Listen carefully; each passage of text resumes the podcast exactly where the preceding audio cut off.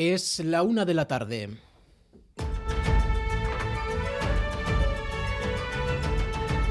Crónica de Euskadi con Imanol Manterola.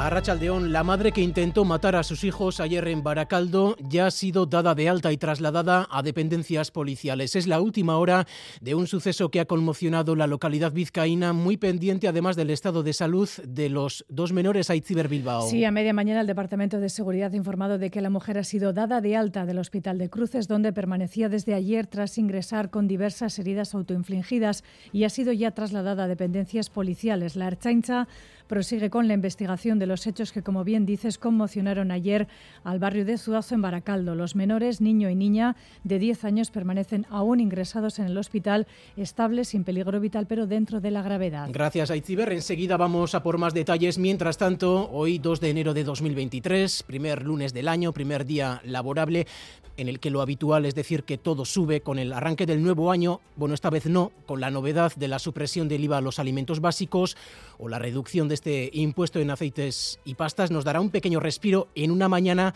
ajetreada en comercios y supermercados para adecuarse a la nueva norma Laida Basurto. Sí, antes de la hora de apertura, tiendas y supermercados se han afanado en colocar los nuevos precios y si todavía falta por modificar alguno, tranquilos porque en caja se cobrará como corresponde, es decir, sin IVA en productos básicos como el pan, la leche, los huevos, frutas y hortalizas y con el IVA del 5% y no del 10% en aceites y pastas. Pero una de cal y otra de arena con el fin de los 20 céntimos de descuento en carburantes para los usuarios en general, no para los transportistas, los que hacen un uso intensivo del vehículo, por ejemplo, para ir a trabajar, pues lo están notando ya bastante. En Galdacao está Xavi Segovia.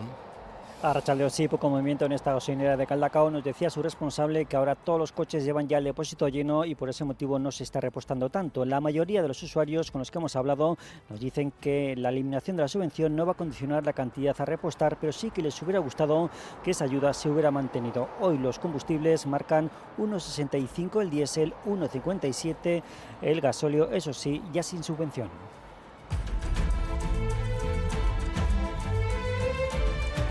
Hemos aprovechado esta oportunidad bonita que se nos ha presentado. Hemos tenido que cambiar un poco nuestros planes, pero Dios proveerá.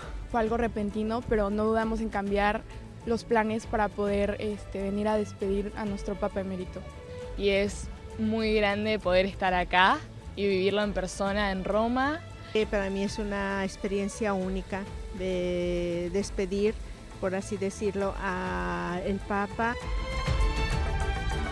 Último adiós a Benedicto XVI. Hoy es el primer día de la capilla ardiente y estos que han escuchado, bueno, son solo algunas de las miles de personas que desde primerísima hora han hecho cola para rendirle homenaje antes del funeral del próximo jueves, cuando será enterrado en las grutas vaticanas. EITV está en Roma, enviado especial Andoni Calvo.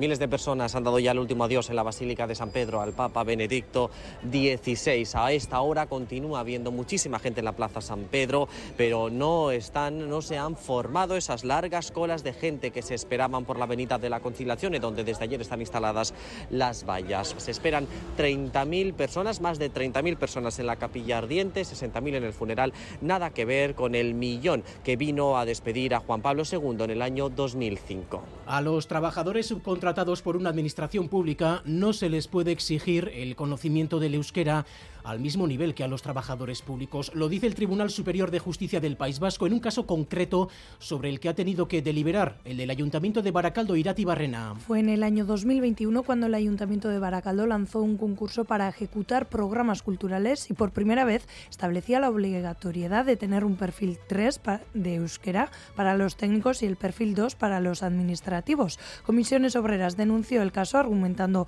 que esto era discriminatorio para los trabajadores subcontratados y los jueces les da ahora la razón. La sentencia dicta que no se puede imponer a los trabajadores de una empresa privada las mismas exigencias que a los empleados públicos. Desde Conchellua creen que esta sentencia ataca directamente a los derechos lingüísticos de los vascos y los servicios jurídicos del ayuntamiento analizan ahora la sentencia para decidir si presentan o no recurso. Abao Chiqui da la bienvenida al año nuevo con la ópera musical Cuento de Navidad. Se trata del clásico relato de Charles Dickens con una espectacular producción de la Ópera de Cámara de Navarra y la Fundación Baluarte. Esta producción presenta una estética innovadora con una escenografía impresionante. Aitziber Arechederra, responsable del programa didáctico de la Asociación Bilbaína de Amigos de la Ópera. Nosotros ya habíamos hecho este título imprescindible para la época de la Navidad en otras ocasiones. Se sigue manteniendo la misma música del compositor Íñigo Casalí, pero la dirección de escena es de José Cachúa, que apuesta sobre todo por lo visual, por los temas de proyecciones, de la iluminación, que lo que van a hacer es enganchar a los niños toda la atención para que puedan disfrutar del espectáculo. Tengan en cuenta que habrá cinco funciones de este cuento de Navidad en el Arriaga mañana y pasado mañana. Vamos ahora con los titulares del deporte. Álvaro Fernández Cadierno, Arrachaldeón. Hola Arrachaldeón, pendientes del fútbol y de la pelota. En el mano parejas tenemos partido en Tolosa, Peña Mariez Currena ante Pello Echevarría y Rezusta. Ayer en Eibar, la Soimaz 22, Ezcurdia Martija 8 y en fútbol Íñigo Martínez se pierde el partido de Copa ante el Eldense por una fascitis plantar. Y en cuanto al tiempo, tras el paso de un pequeño frente esta mañana, la nubosidad tenderá a romperse por la tarde. No se descarta, sin embargo, que pueda llover algo, pero lo novedoso es la bajada de las temperaturas respecto a ayer.